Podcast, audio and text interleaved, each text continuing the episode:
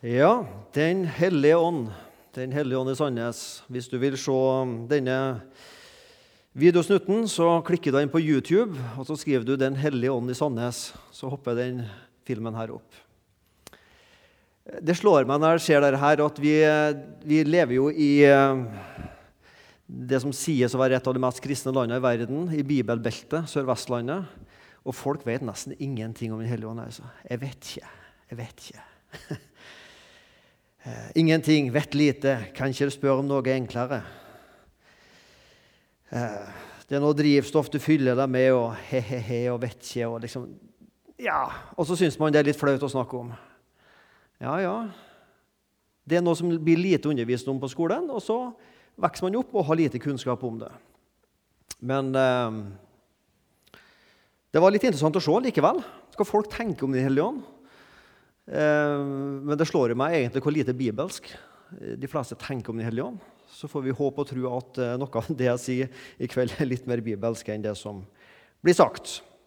Skal vi be sammen? Kjære Herre Jesus Kristus, Far, Sønn og Hellige Ånd. Vi er her, og vi hengir oss til deg, du som ga deg sjøl for oss. Nå er det deg, Hellige Ånd, vi spesielt skal sette fokus på i dag. La det bli noe til lærdom, noe som gjelder hverdagen. Ikke bare sånn ekstraordinære anledninger, men noe som vi kan kjenne at det har med mitt hverdagsliv som kristen å gjøre. Jesus. Eh, og La det jeg sier, ikke bare bli en sånn luftige, ideologiske, filosofiske tanker, men kan være noe som vi kan ta med oss her Jesus. Velsign meg til det, og velsign oss til det, og lev et liv i Ånden. Amen. Som dere ser, så har jeg skrevet 'åndenes' og åndens makt. Åndenes og åndens makt. Jeg snakka om Den hellige ånd også på pinsemøtet i fjor. Da tok jeg utgangspunkt i den tredje trosartikkel. Jeg tror på Den hellige ånd. Eh, ikke at jeg går rundt og innbiller meg at folk husker talen min så veldig lenge, men jeg tenkte det er kanskje litt dumt å ta samme tale et år etterpå. Så jeg måtte se i bunken min, og så fant jeg fram en tale som jeg så jeg holdt første gang på pinsa i 2006 på ungdomskveld i Salem i Stavanger. Så jeg har uh, eh, ordna litt på den, og så skal jeg ta fram noen av de tankene som jeg preka over den gangen. Og Da var det jo litt spesielt da, i juni 2006, for da var det tre dager pinsa da var tre dager før 6. i 6. 2006. Altså 666, tallet 666, og det har noe litt om sånn okkultisme å gjøre. Og, og dyrets tall er her. Så Da holdt jeg en preik om åndens og åndenes makt. Nå har vi gått forbi langt forbi 6.6.2006, eh, men eh, det med åndenes makt det er fortsatt eh, aktuelt. Den tida vi lever i, altså ikke mai 2013, men den tidsperioden og det samfunnet vi lever i, er et veldig det vi kaller et sekulært samfunn. Sekulære tankene. Det dennesidige. Folk har ikke så mye tanker om Ånden, Den hellige ånd og livet etter døden. og Mye av det vi som bekjenner kristne tenker på, er den vanlige nordmann ikke så veldig opptatt av. Man er sekulær. Altså Det med Gud det er ute av bildet når man skal forklare virkeligheten. Virkeligheten er denne side. Du kommer, og du lever, og du dør. Eller som Fleksnes sa det når han skulle prøve å skrive sin egen nekrolog. Han kom og ble svett, og det var det. Ja. Og Sånn er det nok mange som tenker. Jeg kommer, jeg lever, og så dør jeg, og så er det ingenting mer. Dennesidig, en sekulær Gud er ute av bildet. Vi lever i en veldig kroppsfiksert samfunn. Kroppen betyr mye, mens ånden og sjela ikke får samme oppmerksomheten. En materialistisk tid. En tid der eh, seksualiteten er veldig eh, opptatt eh, mange. Kroppsfiksering.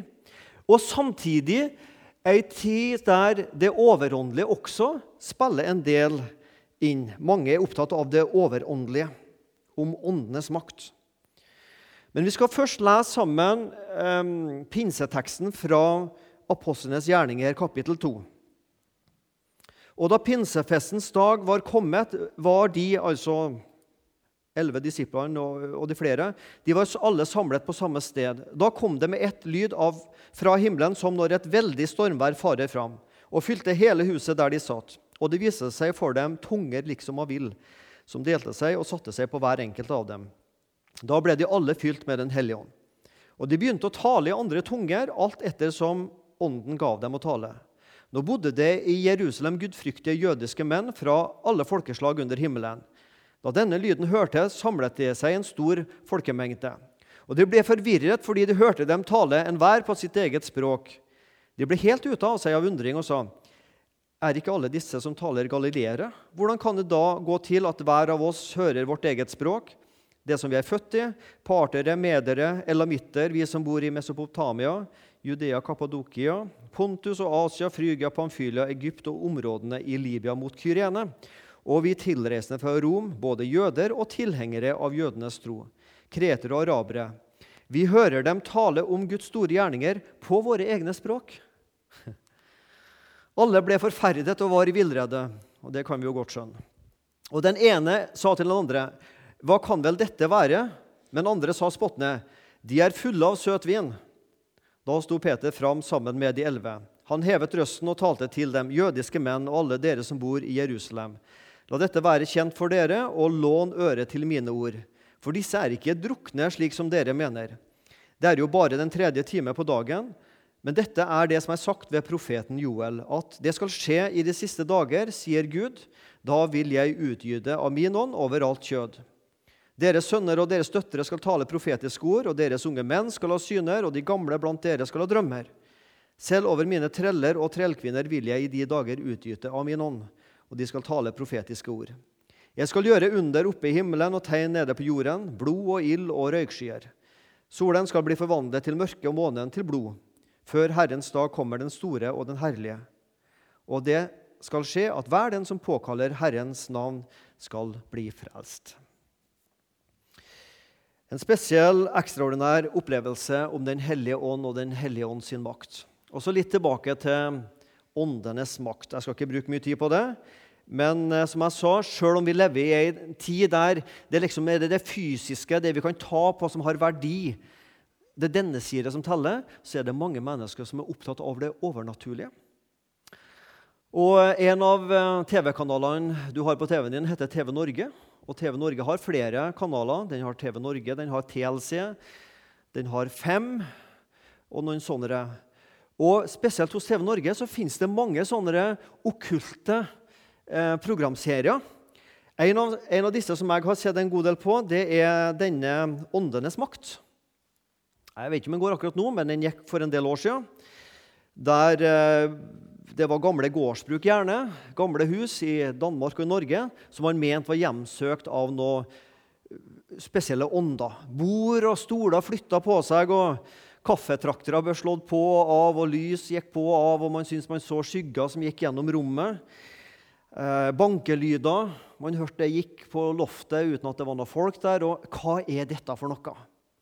Jeg har sett flere av disse programmene. Jeg syns det er fascinerende. Og jeg har ikke noe sånn voldsomt svar på det og har ikke tenkt å bruke tida i dag til å, å snakke mye om det.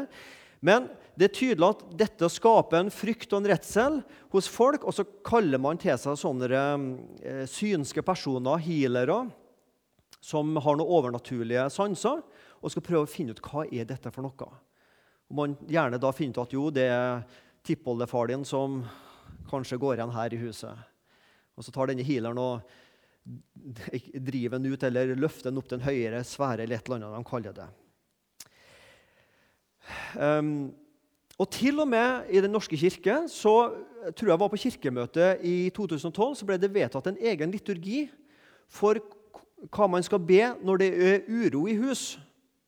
Ja, De fleste av oss har vel litt uro i huset innimellom, hvis vi hadde unger, men uro i hus her betyr at man, det er et eller annet som ikke er som det skal være så kan prester komme og be i hus og følge en liturgi på dette. Så, så det er noe som er levende blant oss, og spesielt i Nord-Norge. Eh, I samiske kulturer er det litt mer vanlig enn det kanskje på våre deler av landet. Så dette er, Selv om det ikke er noen sånn hverdagsopplevelser, så er det noe som er til stede hos oss. Og det okkulte det, det selger godt. Margit Sandemo hun er jo 90-tallets store salgsdronning sånn i pocketbøker. Solgt på millioner. Det er jo det okkulte hun selger på.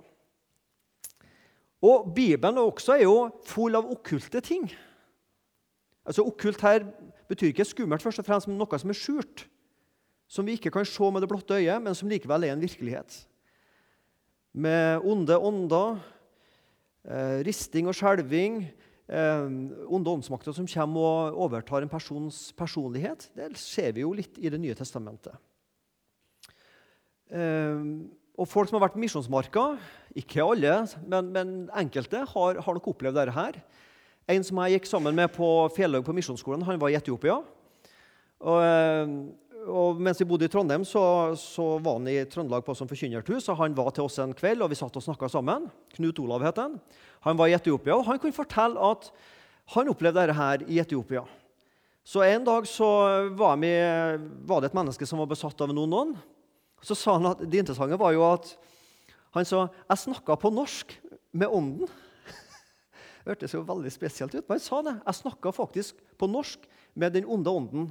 Og jeg spurte den onde ånden hvor er du fra.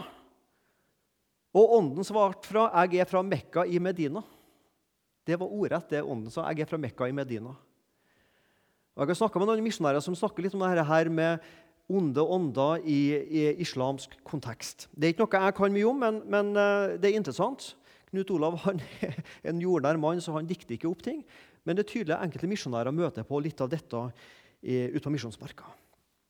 Jeg har en erfaring sjøl der jeg virkelig var i tvil. Eh, mens jeg studerte i Oslo, så Eh, så tok jeg meg et halvt års studiepause og arbeidet på en psykiatrisk institusjon. Og Der var det en ungdom, en gutt, som likte heavymusikk, så det virkelig sang etter. Og Sånn så han også ut på måten han gikk kledd, og var veldig opptatt av tallet 666 og gjør djeveltegn. Og spor meg hvor står det hen i Bibelen om 666. Og så I av, avskjedsgave når jeg slutta, ga jeg dem et Nytestamente. Og så var jeg tilbake noen måneder etterpå og Da fant ikke jeg Nytestamentet, men da kunne han si til gutten jeg har det på soverommet, jeg har det under hodeputa. Så da føler jeg meg litt tryggere om natta. Men en dag så Jeg var litt i tvil. Er han besatt? Faktisk var jeg det. Eh, eh, og Så fikk jeg et råd av en vis mann som sa da at de onde åndene reagerer alltid på navnet Jesus. Så tenkte jeg det skal jeg sjekke ut. Nå hadde ikke jeg lov som ansatt å forkynne, så jeg var bevisst på det. Men da jeg kom inn på en samtale med han om åndelige ting, så var jeg bevisst på å putte inn navnet Jesus en del ganger og se om jeg fikk, fikk, utslag. Men det var ingen utslag, så da tenkte jeg det var kun bare at han hadde en spesiell interesse i den leia der. Men eh, noe mer enn det har ikke jeg vært borti det i norsk sammenheng. Ok, Det var litt om åndenes makt. Vi skal ikke bruke mye tid på det. Men vi skal se det at dette står det også om i Bibelen.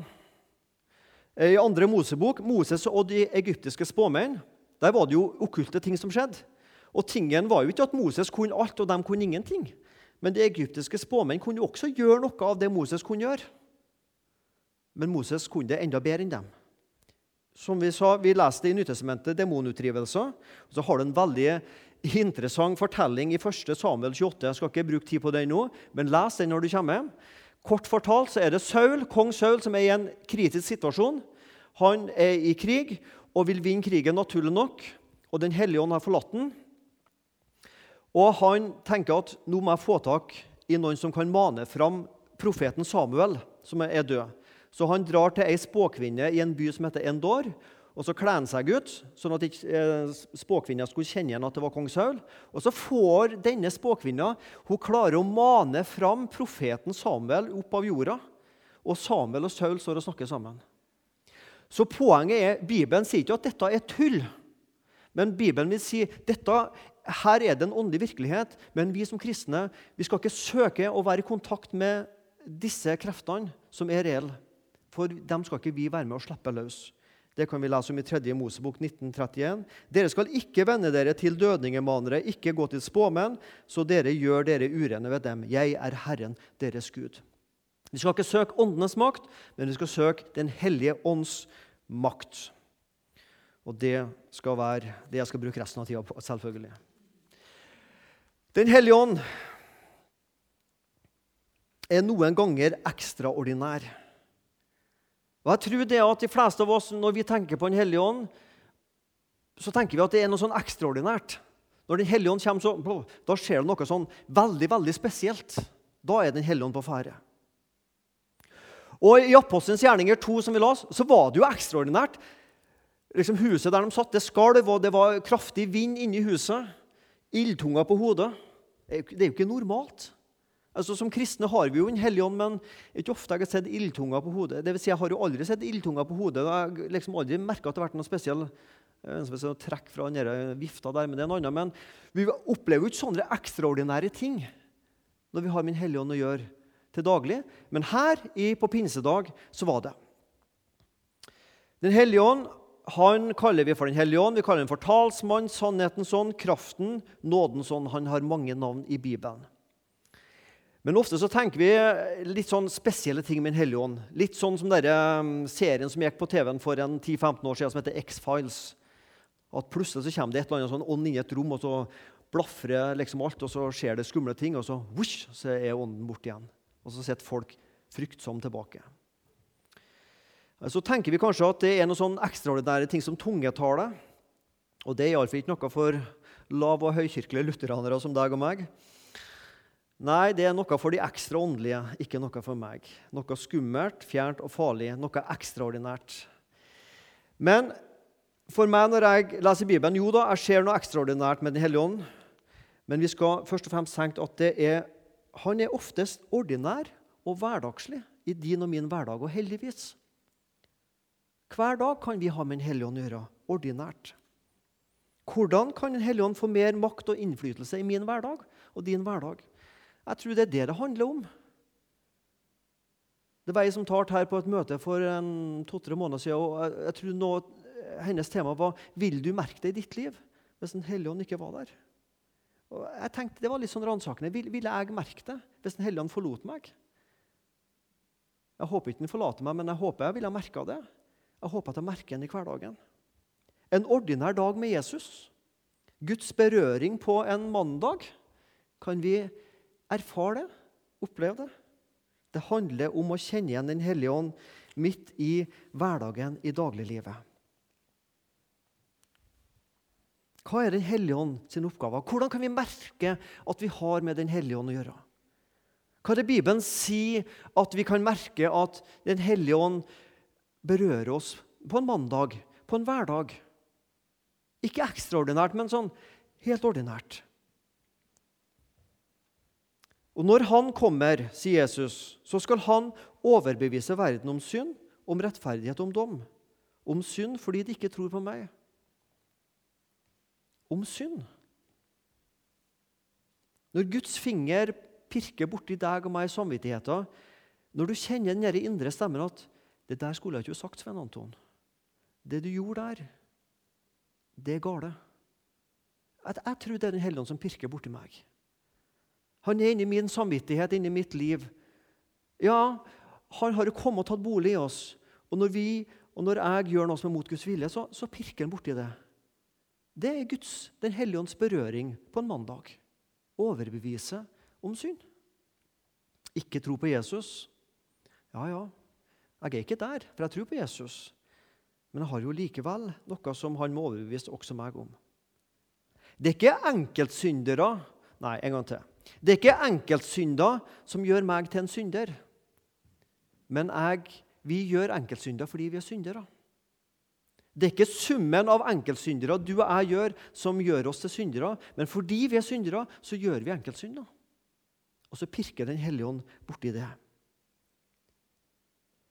Når du og jeg blir avslørt i synda, da kan du være trygg på at da har du en berøring av Den hellige ånd på en mandag eller tirsdag, eller hva slags dag det er.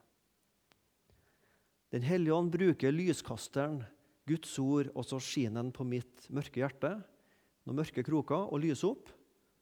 Og så har jeg med Den hellige ånd å gjøre i hverdagen. Han skal herliggjøre Jesus når talsmannen kommer. Han som jeg skal sende dere fra Faderen, sannhetens ånd som utgår fra Faderen. Da skal han vitne om meg. Det er Den hellige ånds oppgave å vitne om Jesus. Den hellige ånd skal holde ryktet om Jesus levende fram til Jesus kommer igjen. Vi vet hvem Muhammed Vi har hørt om Muhammed. Vi har hørt om Buddha. De også lever sitt liv fram ved historien. Så, så, det er ikke sånn at den hellige ånd, vi trenger Den hellige ånd for å huske på at det har levd en person som heter Jesus. Men Den hellige ånd han holder ryktet om Jesus levende, sånn at vi skjønner at, han, at Jesus er mer enn et godt menneske. Han er Guds sønn. At jeg kjenner at Jesus er min. Han er ikke bare en historisk person som har levd, men han levde for meg. Han er ikke bare alle de andre sine, men han er min, og han er din. Det er Den hellige ånd sin oppgave. Han skal minne dere om alt jeg har sagt dere. En god hukommelse å ha med seg. Helligånd minner meg på det Jesus har sagt. Ikke bare at jeg leser det og kan huske det, har, for enkelte har jo god og dårlig husk, det ikke, men at, det virkelig, at jeg husker det sånn at jeg kjenner at det er mitt, det lever i meg. Det er Den hellige ånds oppgave. Jeg har hørt en del preker om Den hellige ånd opp gjennom de årene jeg har vært kristen, og ofte har dette bildet blitt brukt om Den hellige ånd, at han er scenearbeideren. Jeg synes det er godt sagt. Han er liksom han som drar sceneteppet til side, sånn at vi ser hovedpersonen stå på scenen, Jesus Kristus. Det er Den hellige ånds oppgave. Når du får en stor Jesus i livet ditt, når Jesus blir viktig for deg, da har du med Den hellige ånd å gjøre. Den hellige ånd gjør Jesus stor. Og som dere sier her i Rogaland jeg er sitte. Når du kjenner 'jeg er sitte', da har du hatt besøk av Den hellige ånd. Nå har jeg sett det. Nå har jeg sett evangeliet. Det er for meg også. Da har du hatt besøk av Den hellige ånd. Ikke besøk av Den hellige ånd. Ikke på besøk og forsvinne igjen. Da har Den hellige ånd virka i deg på en mandag. Han utruster med gaver av Den hellige ånd. Nådegaver, åndens gaver. De åndelige gaver. Fire plasser i Bibelen sånn konkret vi leser om det. Det er jo litt spredd litt sånn her og der, kanskje ellers også, men det er jo primært Romerbrevet kapittel 12, 1. Korinterne 12, Efeserne 4 og 1. Peter 4. 12, 12, 4, 4, sånn liten huskeregel. Romerne 12, 1. kor 12, Efeserne 4, 1. Peter 4. Der står det om åndens gaver, nådegavene. Og Det som er så flott, det er at nådegavene, åndens gaver, sier Paulus, det er gitt til alle. Til enhver. Til det som er ganglig. Den hellige ånd deler ut gaver. Han kommer til deg som en kristen og så gir han deg en eller flere gaver som er gagnlige for deg og for menigheten så kan vi søke åndens gaver. Søk åndens gaver. Det står noe om det. Men du kan jo være trygg på at du har som kristen iallfall én gave. Og så kan vi være usikre. Ja, hva er min gave? Hvordan kan jeg finne ut det? Så kan vi gå mange år i vårt liv og tenke ja, hva er gaven min? Jeg har ingen snarvei til å si gjør det, så vil du oppdage det. Men jeg tror det handler også litt om når jeg prøver ut det jeg tror Gud har gitt meg, når jeg prøver det ut og får tilbakemeldinger fra andre Du, Sven Anton, når du, så opplever jeg sånn og sånn at det var bra. Så får du tilbakemeldinger fra andre kristne. Eller, eller du kjenner en glede i hjertet ditt at ah, jeg tror Jesus, ja, nå kjenner jeg, nå får jeg være med sånn som jeg tror du har utrusta meg. Jeg tror det er noen av måtene vi kan være med å få en bekreftelse på hva som er vår gave eller våre gaver. Jeg tror Den hellige ånd leder inn i oppgaver. Og Den hellige ånd han utruster til oppgaver, og Den hellige ånd gir gleden i oppgaven. Det betyr ikke at hvis du en dag kjenner at nå hadde ikke så veldig mye glede i den oppgaven, da kan det ikke være min nådegave. Nei, men jeg tror vanskelig og ser vanskelig for meg at vi kan leve et helt liv i en tjeneste og tenke at det er vår nådegave uten aldri å kan kjenne en glede igjen. For jeg tror gleden med, følger med den gaven som Gud gir. Han leder til oppgaven, han utruster deg når du er i oppgaven, og han gir gleden i oppgaven. Da kan du kjenne jeg tror dette Gud er det du har kalt meg til å gjøre.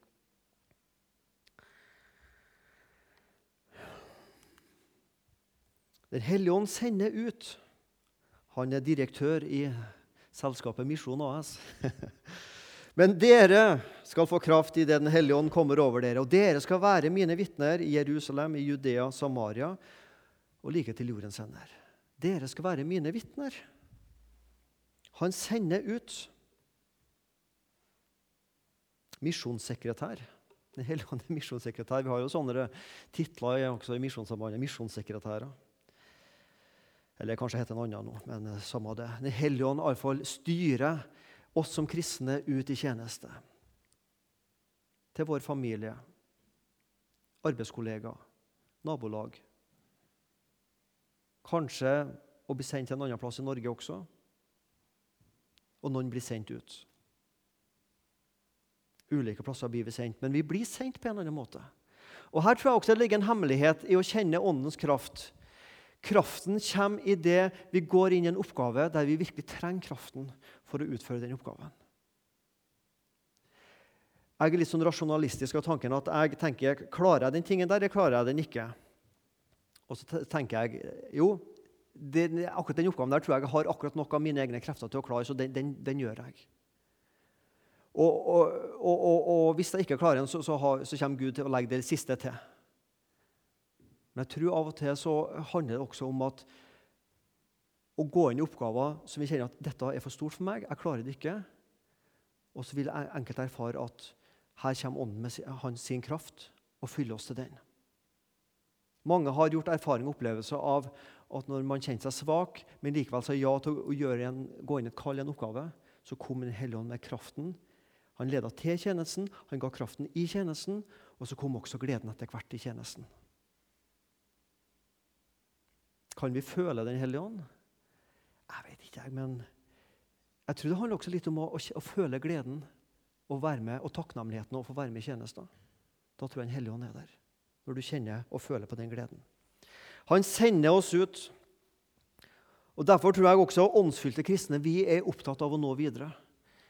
Hvis vi kommer dit at vi ikke er opptatt av å nå videre ut, om det er familie, nabolag, byen eller enda videre utover, der Kristi navn ikke er kjent. Altså, hvis vi ikke har det, det målet at vi må lenger ut, så syns jeg de fleste av oss bør ta en liten prat med Gud. Hvordan er det egentlig med vårt åndsliv? Den hellige ånd vil ut, han vil lenger. Det er nye områder å innta. Derfor er misjon viktig for Den hellige ånd. Bibel og bønn. Bønn og Bibel. Men over Davids hus og over Jerusalems innbyggere vil jeg utgyde nådens og bønnens ånd. Og da skal de skue opp til meg som de har gjennomstunget. Den siste setningen der er jo litt sånn uh, spennende. da. Zakaria skriver dette her Jeg vet ikke hvor mange hundre år han levde for Jesus ble født, men det var noen del hundre år. Og så på en måte I et profetisk syn så ser han Jesus korsfesta, og de skal se opp til meg som de har gjennomstunget. Så skal Helligånd komme og utgyte nådens og bønnens ånd. Jeg er helt sikker på når jeg ser utover forsamlingen her, her er ikke et menneske som ikke ber. Det er jeg rimelig sikker på uten at jeg har spurt deg hver enkelt. Vi ber. Jeg ber også. Hvorfor ber du? Hva driver deg til å be? Er det fordi du føler at du må gjøre det? Litt som plikt. Skal jeg være en god kristen, så må jeg jo be. ja. ja da. Kjenner på den. Og hvis jeg ikke ber, så har jeg dårlig samvittighet. En av mine første erfaringer med bønn det var før jeg ble en kristen. Jeg hadde et veldig ordna bønneliv før jeg ble en bekjennende kristen. Jeg hadde ei fast bønn. Jeg husker ennå at jeg hadde ei fast bønn. Jeg har glemt hva den bønna var, det, men det betyr ingenting. Men jeg hadde ei fast bønn. Jeg husker jeg ba hver kveld før jeg la meg for å sovne. Og Den ba jeg en tre-fire år før jeg ble en bekjennende kristen. For jeg hadde den tanken, Hvis jeg ikke ber den bønna hver kveld, så kommer Gud til å straffe meg på en eller annen måte. Det var en sånn pliktfølelse som lå over meg. Jeg husker En kveld så hadde jeg glemt det. Jeg husker det. Jeg vet ennå hva jeg var. En. Jeg husker jeg våkna Å, jeg har glemt å be den bønna. Og så ba jeg jo. Jeg var på musikkorpsstevne oppe i Trøndelag plass. Jeg husker det ennå. Men da var det mitt bilde av Gud. Gud krever bønn, og jeg må be i bønn, så kommer han og straffer meg. Det var plikta som drev meg.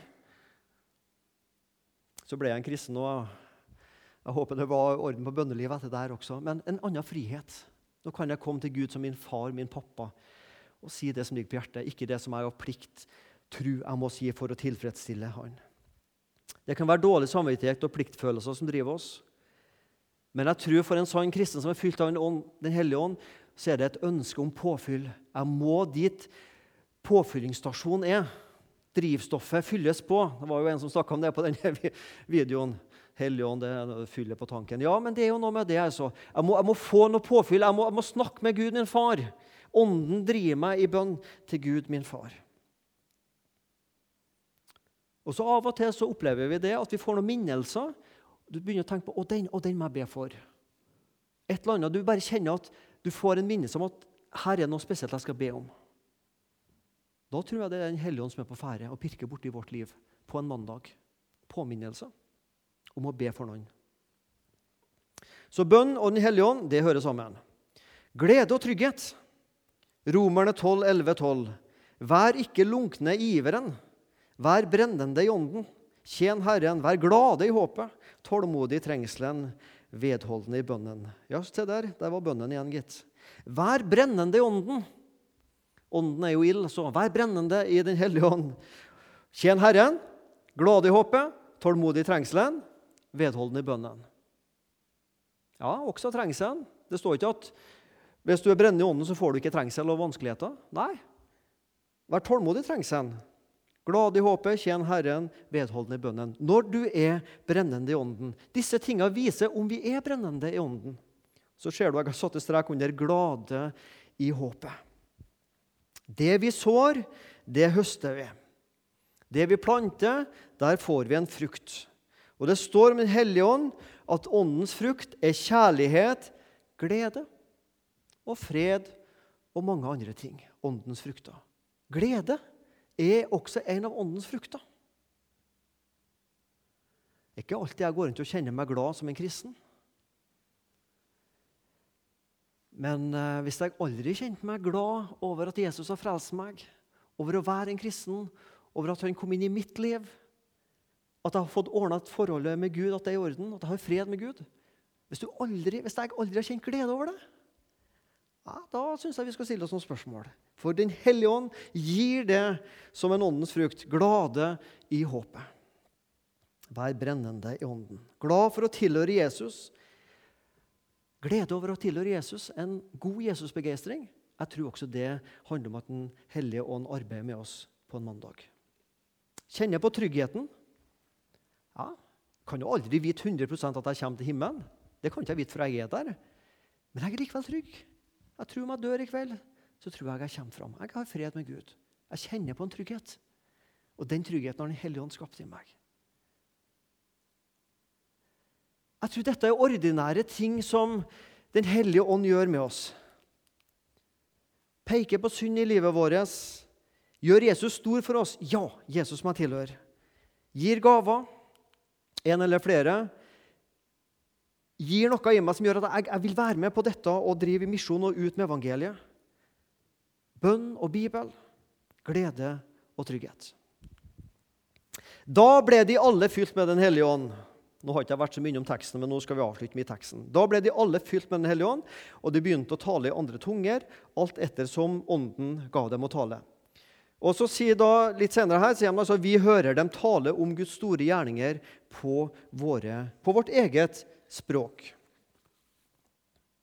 Bli fylt av Den hellige ånd. De begynte å tale i andre tunger. Pinsedag. Nå stiller jeg et spørsmål. Um, skal vi be om å oppleve pinsedag igjen? Bør vi som kristne be Gud gi oss pinsedag på ny?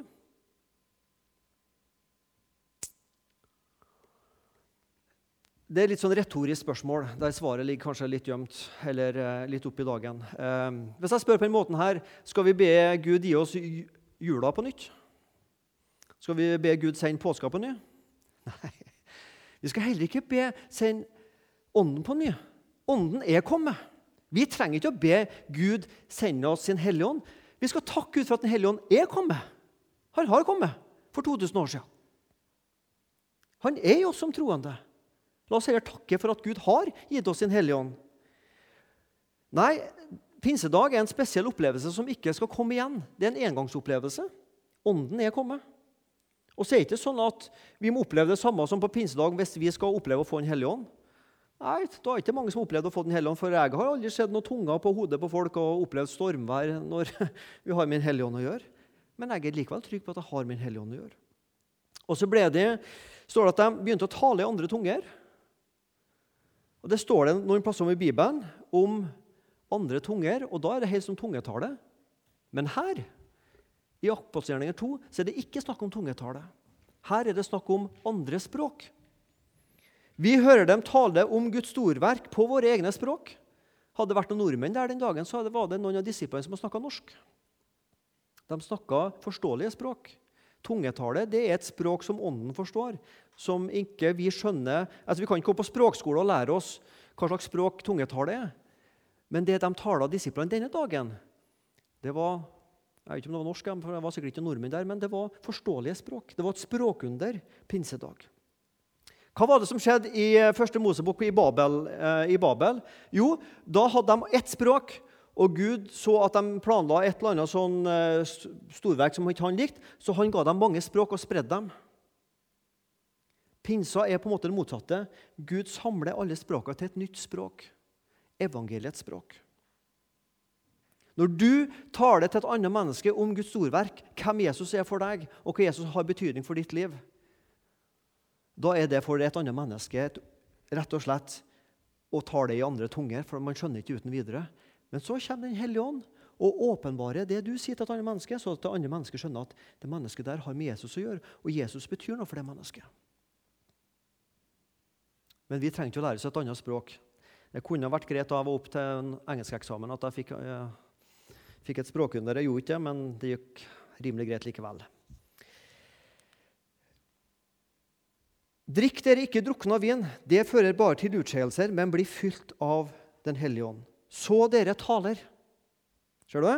Blir fylt av Ånden, så du taler til hverandre med salmer og lovsanger, åndelige sanger, og synger og spiller for Herren i deres hjerter og alltid takker Gud Faderen for alle ting i vår Herre Jesu Kristi navn.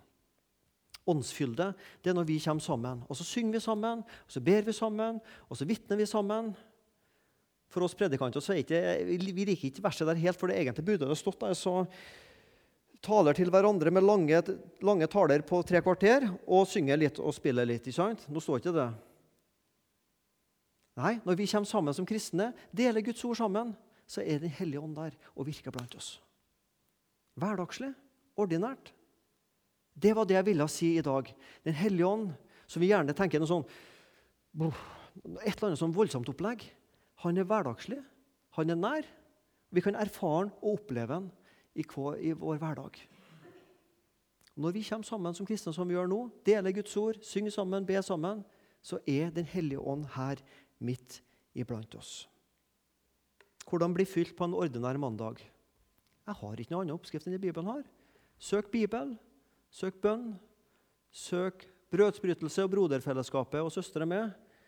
Vær der Guds ord er. Del Guds ord, be sammen. Da blir vi fylt av Den hellige ånd. Og kanskje har Den hellige ånd brukt noe av det jeg har sagt, og vært med å fylle deg på en annen måte. Gud bruker sitt ord og fyller oss sånn at vi kjenner Han og frelsen Jesus, Herre Jesus Kristus. Jeg takker deg for at Den hellige ånd er kommet. Takk for Hellige Ånd at du bor i våre hjerter, vi som bekjenner ditt navn.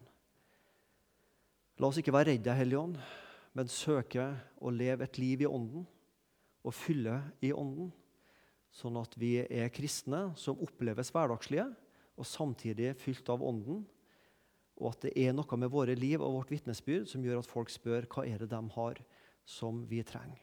Herre Jesus, må du bli stor gjennom våre liv. Amen.